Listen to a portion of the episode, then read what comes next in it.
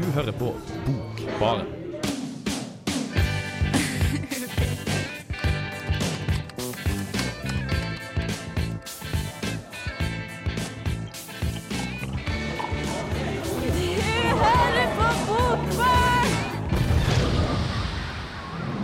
God dag og velkommen til Bokbarn, litteraturmagasinet på Radio Revolt. I dag er det en litt mer eh, utradisjonell sending her i Bokbarn. Det er bare, bare jeg fra vanlige Bokbarn-crewet, men jeg er også med Bård fra Kontroll til Elite og Andreas fra samme program, og Frida fra Filmofil. Og Mathias fra Under dusken i kulturredaksjonen, som prater om film, og, eller skriver om film og ja, litt av hvert. Men eh, vi har et tema for sendinga her i dag. Vi skal snakke om helter og dekonstruksjon. Hvordan eh, høytidelige bilder av samfunn og kultur blir latterliggjort og ja, blitt gjort mer, mer, mer eh, menneskeliggjort. Vi skal se på fire forskjellige verk. Eh, Ex Machina og Greenbacks eh, Continuum, Neuromancer og The Name of the Wind. Vi skal også feire 25-årsdagen til Mengele Zoo. Men før, før, før det så får du Lonely med LSD TV.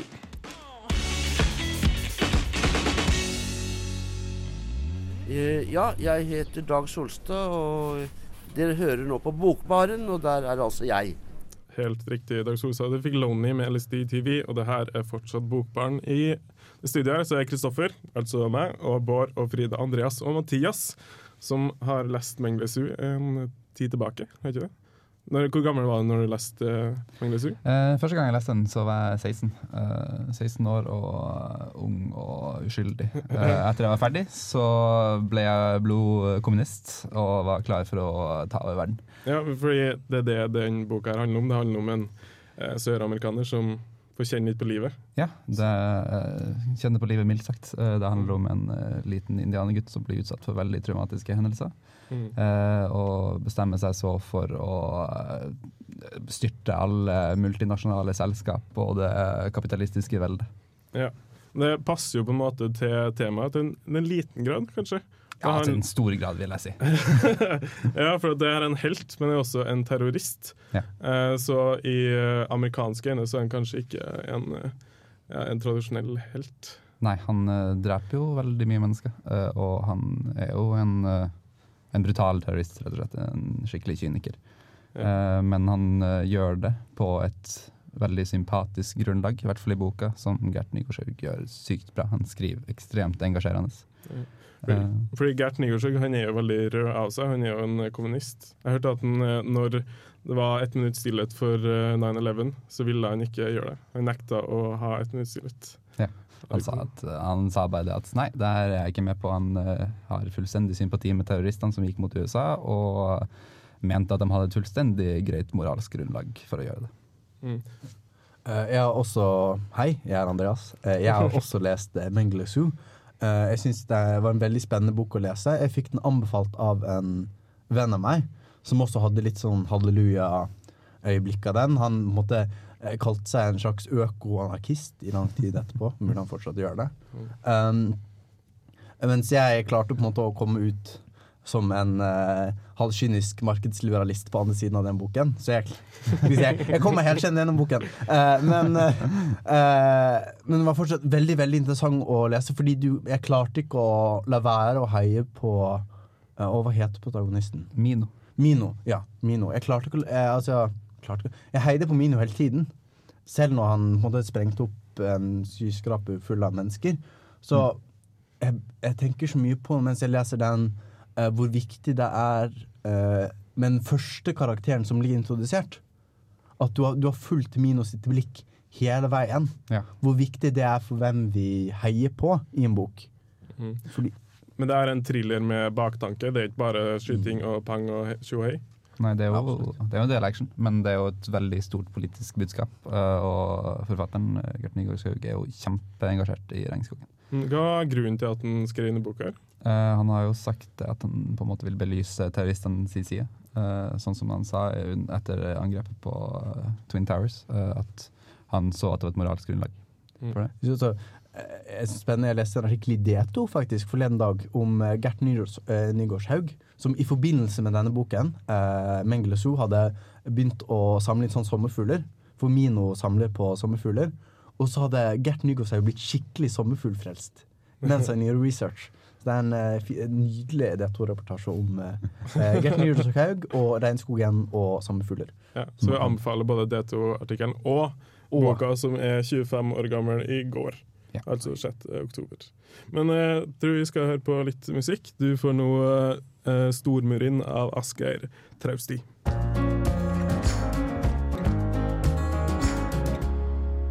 Hej, du lytter til Jens Blindstrup fra Danmark, og nu skal du høre Bogbaren. Woo!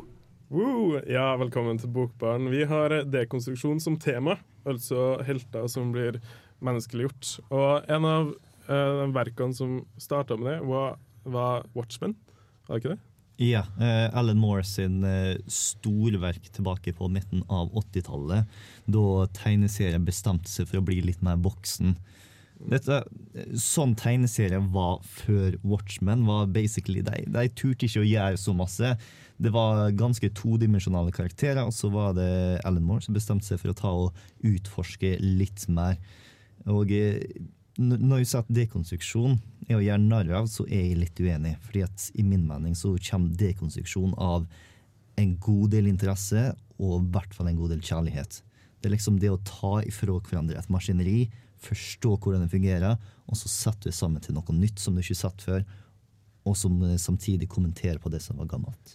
Men det, det, det, de moderne tegneseriene nå, det er ikke tegneserier, men de filmene om tegneserier, som Captain America og sånt, eh, har de liksom henta fra Watchmen. Liksom baktankene at eh, heltene er mer enn bare som kjemper for rettferdighet og sånn. Ja. eh, jeg liker å ta og kalle Watchmen for Citizen Kane av tegneserier.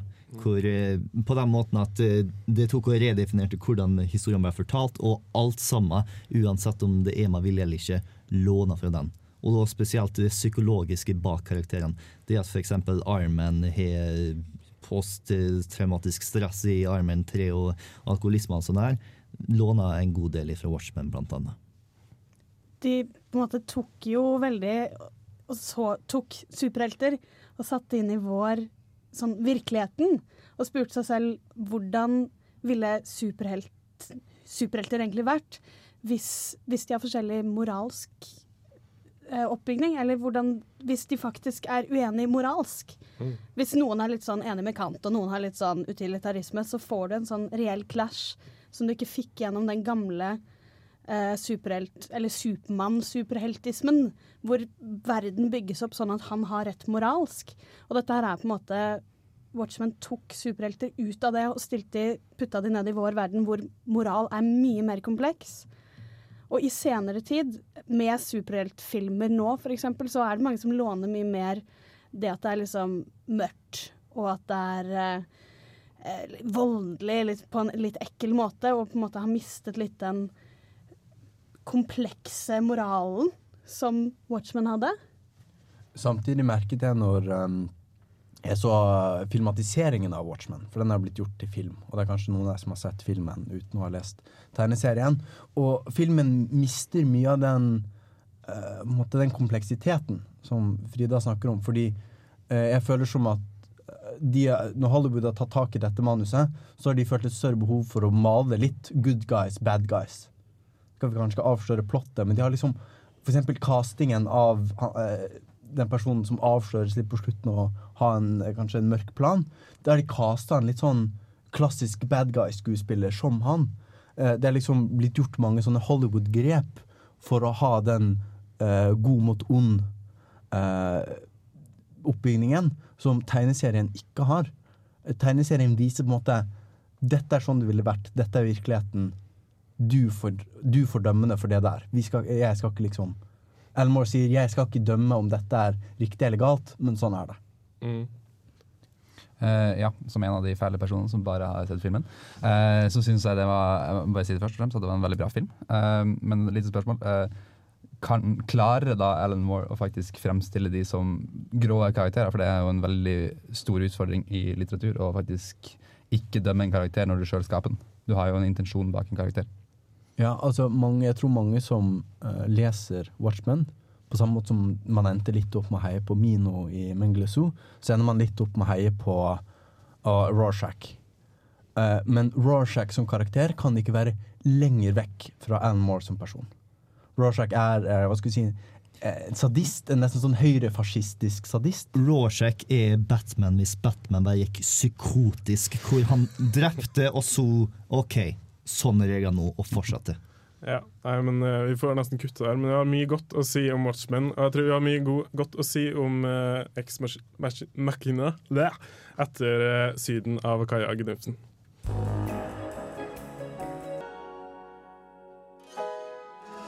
Hi, I'm David Van, Radio Revolt, Trondheim. Great, thanks. Ja, nå hører du på Bokbaren, og vi har pratet litt om Watchmen. Vi skal gå litt videre til X-Machina. Og Bård, det er noe du brenner veldig for? Den tegneserien, ikke? Ja. Eh, X-Machina er en eh, 50 issues lang tegneserie som er skrevet av en av mine favoritt-tegneserieforfattere, Brian K. Vaughan, som også har skrevet Why the Last Man, Runaways og jobba en del på første sesong av Lost. Eh, og eh, den starta ganske sånn som du forventer at en superheltserie skal starte. Men eh, ganske gjennomsnittlig sivilingeniør som heter Mitchell Hundred, som lever et normalt liv i New York City. Og så er det en kveld hvor han blir fortalt at det er en merkelig maskin på Brooklyn-brua. Du er nødt til å sjekke en sånn drar bort dit. Prøver å ta på den maskinen, og den sprenger i trynet hans. Plutselig massevis av fragmenter som borer seg fast inni hodet, og gjett hva? Han kan nå ta og snakke med maskiner. Wow, den ja. oppskriften her har jeg aldri hørt før. Ikke Spiderman, ikke Flash, ikke, ikke noe sånt. Ikke noe sånn eh, vitenskapelig eksperiment som går feil. Nei, nei, nei. Så han kan ta og prate med klokka di, han kan ta og prate med kraftverket, han kan ta og prate med en pistol du retter rett mot den. Så hva gjør du når du får sånne krefter? Jo, selvfølgelig så blir han en superhelt. Så han tar og bytter på seg en drakt som ser eh, ganske dum ut. Han tar og fikser et par eh, maskinerier, fikser seg en jetpack og alt mulig rart, og så gir han seg sjøl et skikkelig kult superheltnavn, tatt ifra et eh, Thomas Jefferson-sitat. The Great Machine. Så flyr han rundt og så prøver han å redde dagen i New York City, og er helt elendig i det. Gud, så dårlig han er til å være superhelt. Sånn, en av episodene er at han prøver å stanse to tenåringer fra å ta og drive med gjøn på en eh, T-banetog. Så han flyr bortover med jetpacken, ber toget om å stanse, plukker opp de to etter nakken, og så flyr han videre. Siden han nå ba toget om å stanse, så sa han det aldri at de skulle fortsette. Det betyr at i New York City så ble hele T-banesystemet stengt nede i mer et døgn. Det er så mange arbeidstimer som gikk tapt fordi at han ikke sa fortsett. Så politiet hater han. Han blir kjappjagd, og de er bare sånn Hvis vi får kloa i det, så da! Fordi at han er helt ubrukelig. Og han innser også at han er ubrukelig. Fordi at han eh, satser livet sitt på noe som ikke fører til noe særlig godt. Så han tenker nei, nå skal jeg ta og gjøre verden til en bedre plass på en sånn måte du er ferdig til å bli en bedre plass i virkeligheten. Du blir politiker. Så han eh, tar og melder seg som eh, borgermesterkandidat, prøver å overbevise velgerne om at ah, stem på meg, jeg kule ideer, og ingen hører på han. Fordi at eh, demokratene er ikke løst på han, republikanerne er ikke løst på han, og når det er independent, så er det ingen som bryr seg om han. Så han har lyst til å få litt mer fytt rundt eh, kandidaturet sitt. Så da bestemmer han seg for å ta og putte på masken en gang til, fly litt rundt og få litt oppmerksomhet. Denne dagen var september 11. 2001. Mitchell kommer for sent for å redde det nordlige tårnet. Men da han kommer dit nå, så klarer han å stanse det andre flyet fra å ta og lande. eh, Fra å krasje i søndre tårnet og ferdig landa trygt og sikkert. To måneder senere så er han valgt som borgermester av New York. Og det er det X-Mac-ene handler om. Ja, det er der det historien virkelig begynner. Fordi at eh, han får streng beskjed av politiet du har ikke lov til å bruke superkreftene dine. Hvis du prøver å være superhelt igjen, så arresterer jeg meg. Men fram til da, hvis du er borgermester, så går det fint. Så det er liksom det moraliteten med å ha superevne, satt i liksom den konteksten av at du er i et politisk og byråkratisk system hvor de du kjemper mot, er bare folk du er uenig med, i stedet for superskurker som prøver å ta over verden. Og det ser veldig masse inn på hvor, hva makt gjør med det, og de mennesker rundt deg, uansett om det er superevner eller politiske evner. Så det, det bryter ned både superheltsjangeren og det politiske dramaet, og bygger det sammen til noe nytt og kult og spennende. Høres ut som det mest rare enn noen har hørt. Nå får du noe mer jovialt. Eh, Stein Torleif Bjella med 'Heidersmenn'. Jeg heter Erlend Nøttet, og du hører på Studentradioen i Trondheim. Ja, velkommen tilbake til Bokbarn. Du hørte nettopp 'Heidersmenn' av Stein Torleif Bjella. Og Hvis du er en skikkelig litteraturnerd som meg, så kan du få vite at det er masse, masse, masse referanser til Olav H. Hauge. Dikteren fra Vestlandet som refereres veldig ofte i tekstene til Stein Torleif Bjella. Men tilbake til X-Mac-ene. Uh, når jeg hørte det jeg pratet om uh, tegneserier, så hørtes det veldig ut som om det var en tegneserie om Aquaman, men skrevet av altså internettroll. Bare de bytta ut fisk med maskiner. Eh, Men er det en ironisk tegneserie? Er liksom Nei, det er en ganske seriøs tegneserie. Den har liksom den mengden med humor du forventer ut av en eh, god TV-drama, f.eks. Den er vel sånn cirka like artig som The West Wing, som er eh, den serien som jeg vil sammenligne den mest med når det kommer til politiske. Ja. Men det, det er liksom politisk. Eller utradisjonelt Ja, det, og han tar og stiller en god del spørsmål om politikk, og eh, siden eh, Mitchell Hundred ikke er med i et parti, så gir det muligheten til å snakke mer om store spørsmål om politikk enn store eh, politiske spørsmål. Ja. Vi har prata om Watchmen, og angående politikk, så kanskje det har en slags likhet? Er det? Kan du liksom sammenligne med Watchmen? Vi kan måte? sammenligne på Watchmen med at det dekonstruerer superheltsjangeren. Noe som eh, har vært populært spesielt de siste ti årene. Eh, med annet tegneserieforfattere som Mark Millar, som lagde annet Kickass og eh, Superior og Superman Red Sun. Og du kan si Watchmen uh, Han er kanskje som de, altså, Eks-makina har store spørsmål om politikk. Jeg vil si Watchmen har mer politiske spørsmål.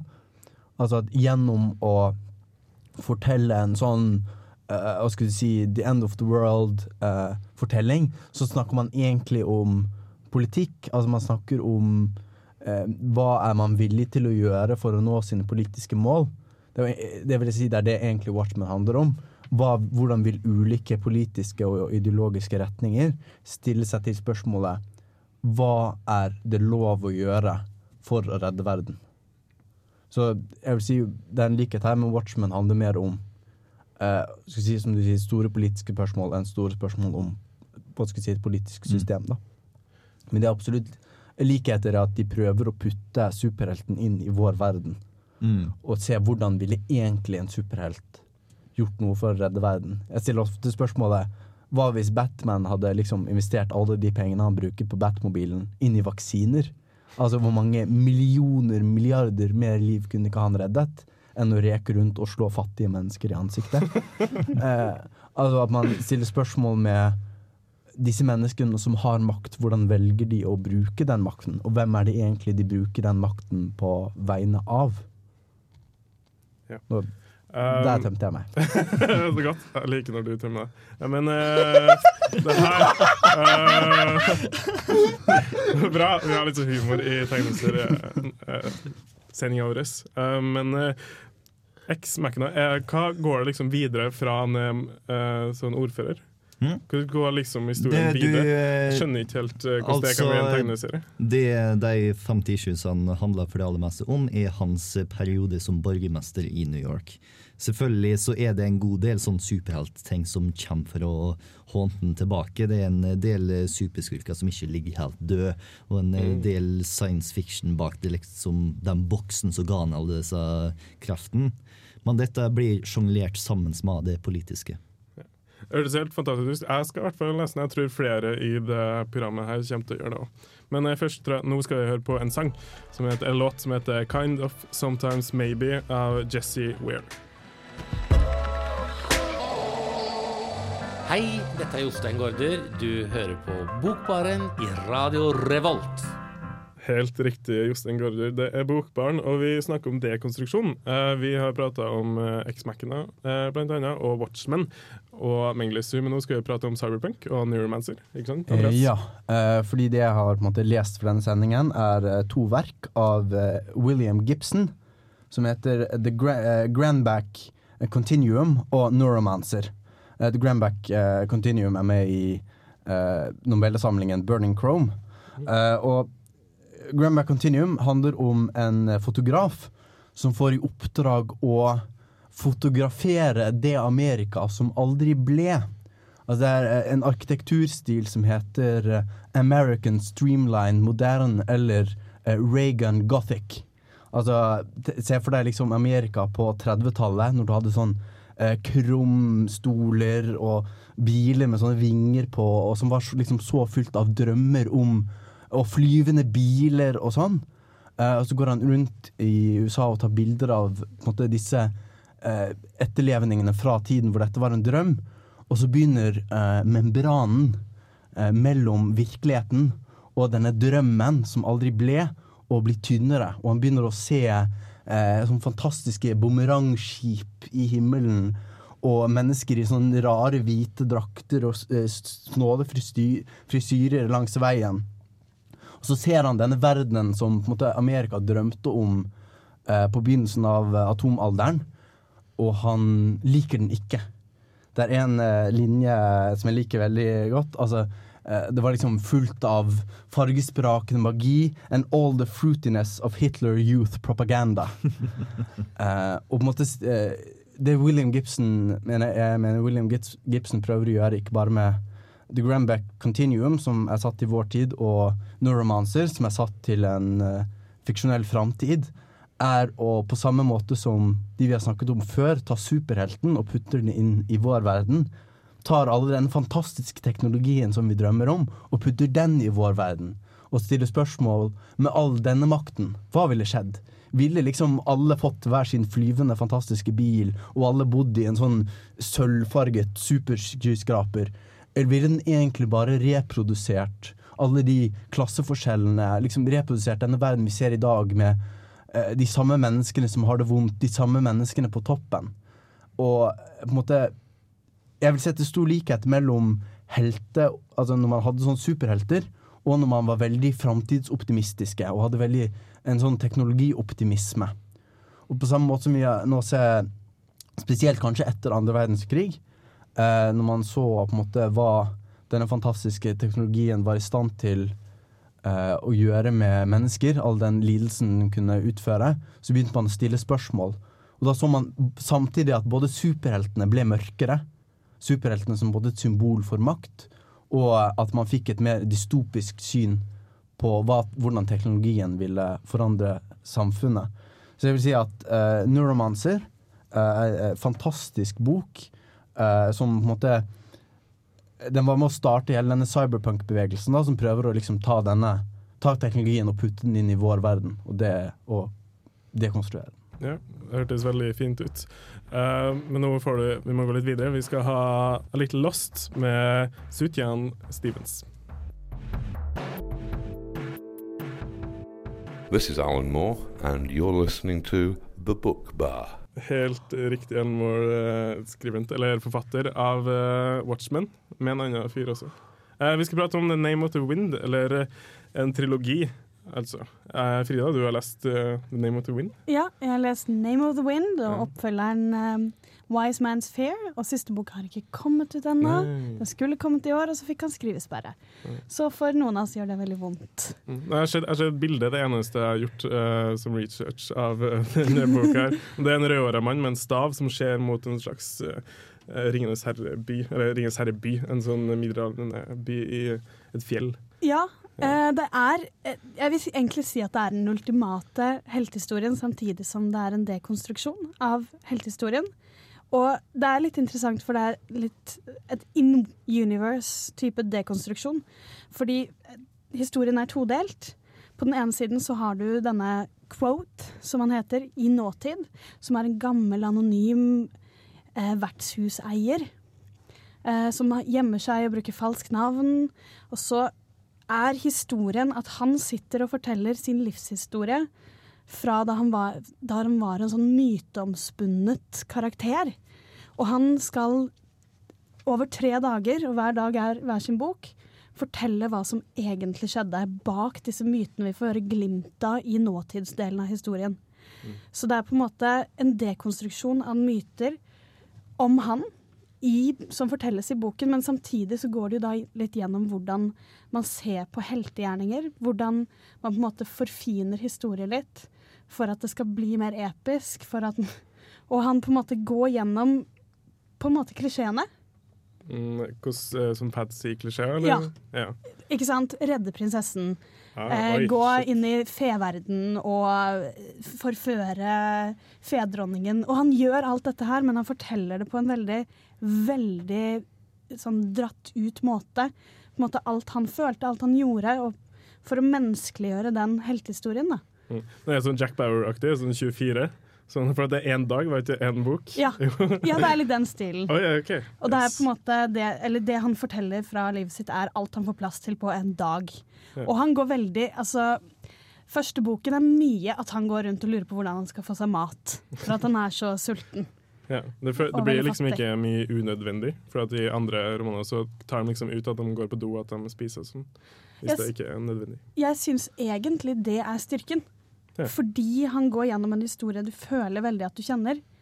Eh, og dermed så er alle de unødvendige øyeblikkene egentlig det som er interessant å høre. Det er det som gjør at han dekonstru dekonstruerer hele eventyrmyten. Mm. Det høres jo egentlig superinteressant ut. Jeg er en selverklært fantasy-nerd eh, og har lest veldig mye fantasy. Og det jeg syns med fantasy-sjangeren generelt, er at det blir alltid overdådig. Og da er det veldig kult at man gjør sånn som det er, da, og bare tar det litt ned på det da, hverdagslige.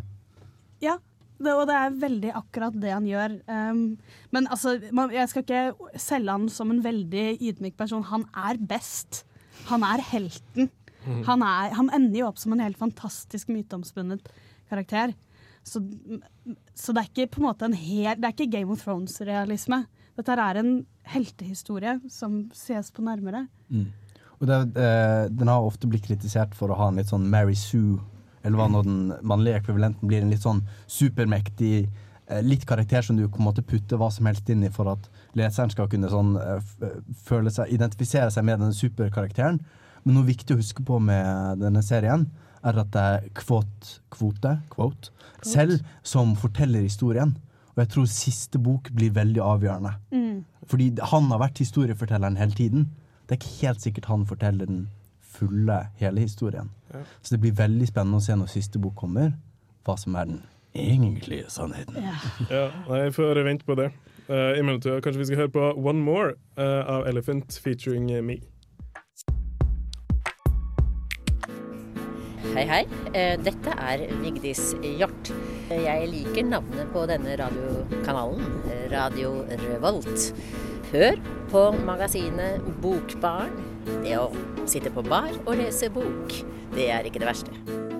Står tips fra Vigdis Hjort der. Det er Bokbarn, og vi har prata om eh, dekonstruksjon og superhelter. Men også prata om Menglesu. Eller hva, Mathias? Det har vi faktisk. Uh, Mengele 2 er en bok som uh, går inn på mytene og kanskje ideene rundt terrorister. Eh, og prøver å belyse det veldig godt. Og, og det klarer han. Så eh, jeg vil på det sterkeste anbefale Mengele 2 hvis du ikke har klart å lese den siden den fødsel for 25 år siden. Ja. Hurra for Menglesu. Eh, vi har også hatt om X-Mac-ene. Yes, og både Eksmakene, alle de andre tegneseriene vi snakker om i denne sendinga, og de andre Brian K. Vaughan-tegneseriene, finner du gjerne på Folkebiblioteket her i Trondheim. Ja. Jeg kommer sikkert til å leie dem før deg. Men Andreas, du har pratet om Neuromancer og om en novelle, har ikke det? Uh, ja, og jeg tror både Burning Chrome, som uh, The Grensback uh, Continuum-novellen er i, og Neuromancer er å finne på Folkebiblioteket. Det er for der jeg får alle mine bøker. Eh, fin jeg fant også eh, Snow Crash på, på Fretex, så du finner det skatter der òg. Ja. Det er bare å lete. Og Name of the Wind, Og Name of the Wind. som eh, er første del av en trilogi, der hvor vi venter spent på siste bok. Ja. For å se hvordan den ender hele den episke historien. Kult. Vi er ferdig i Bokbaren. Eh, tekniker i dag har vært Ingvild Aas. Bård Ester har også vært med. Frida Sven Hempel, Mathias Christensen og Andreas Hva heter dette? Dørum! Dørum! Ja. Eh, vi snakkes en gang. Ha det bra.